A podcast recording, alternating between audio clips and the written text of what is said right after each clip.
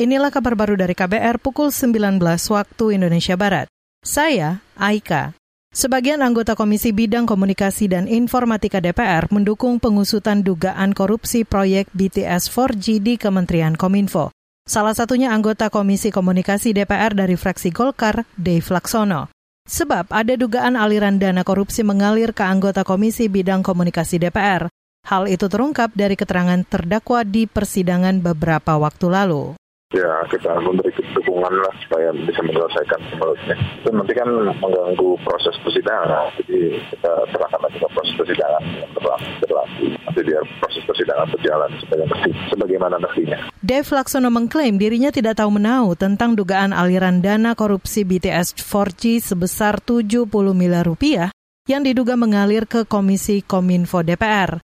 Sebelumnya, dugaan aliran dana 70 miliar rupiah ke Komisi Kominfo DPR diungkapkan dua saksi kasus korupsi BTS 4G, Irwan Hermawan dan Windy Purnama. Keduanya menyebut uang puluhan miliar rupiah diserahkan melalui salah seorang staf ahli Komisi 1 DPR.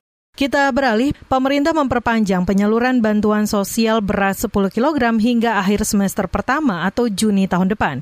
Pernyataan itu disampaikan Menteri Perdagangan Zulkifli Hasan usai rapat terbatas bersama Presiden Jokowi di Istana Kepresidenan Jakarta hari ini mengevaluasi soal bantuan sosial beras yang 10 kilo. Jadi tadi sudah diputuskan harusnya bantuan sosial beras itu sampai September, Oktober, November, diperpanjang Desember, kemudian Januari, Februari, lanjut nanti sampai kuartal kedua tahun 2024, Maret, April, Mei, Juni. Menteri Perdagangan Zulkifli Hasan mengatakan perpanjangan dilakukan karena hingga kini harga beras masih tinggi. Bansos beras 10 kg akan diberikan kepada 22 juta keluarga penerima manfaat KPM. Sebelumnya, Wakil Ketua Tim Pengendali Inflasi Pusat Tito Karnavian menyebut inflasi Oktober sebesar 0,17 persen. Tiga komoditas penyumbang inflasi salah satunya beras. Kita beralih ke satu informasi lain.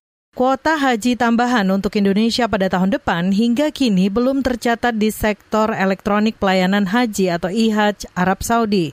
Menurut Menteri Agama Yakut Khalil Kumas, kuota tambahan 20 ribu jemaah itu semestinya tercatat di IHAJ sebagai bukti pasti penambahan kuota. Indonesia memperoleh tambahan kuota sebanyak 20 ribu orang jamaah. Namun demikian sampai hari ini tambahan kuota tersebut belum muncul di HAJ. Sebagaimana tambahan kuota haji tahun 1444 Hijriah atau 2023 masa yang lalu, kuota tersebut baru dapat dipastikan setelah masuk ke dalam IHAJ. Yakut Kolil Kumas menambahkan Kemenak berencana membagi kuota tambahan 20 ribu jemaah untuk haji reguler 18.400 jemaah dan haji khusus 1.600 jemaah.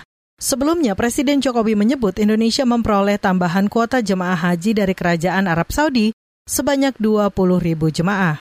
Demikian kabar baru dari KBR. Saya Aika.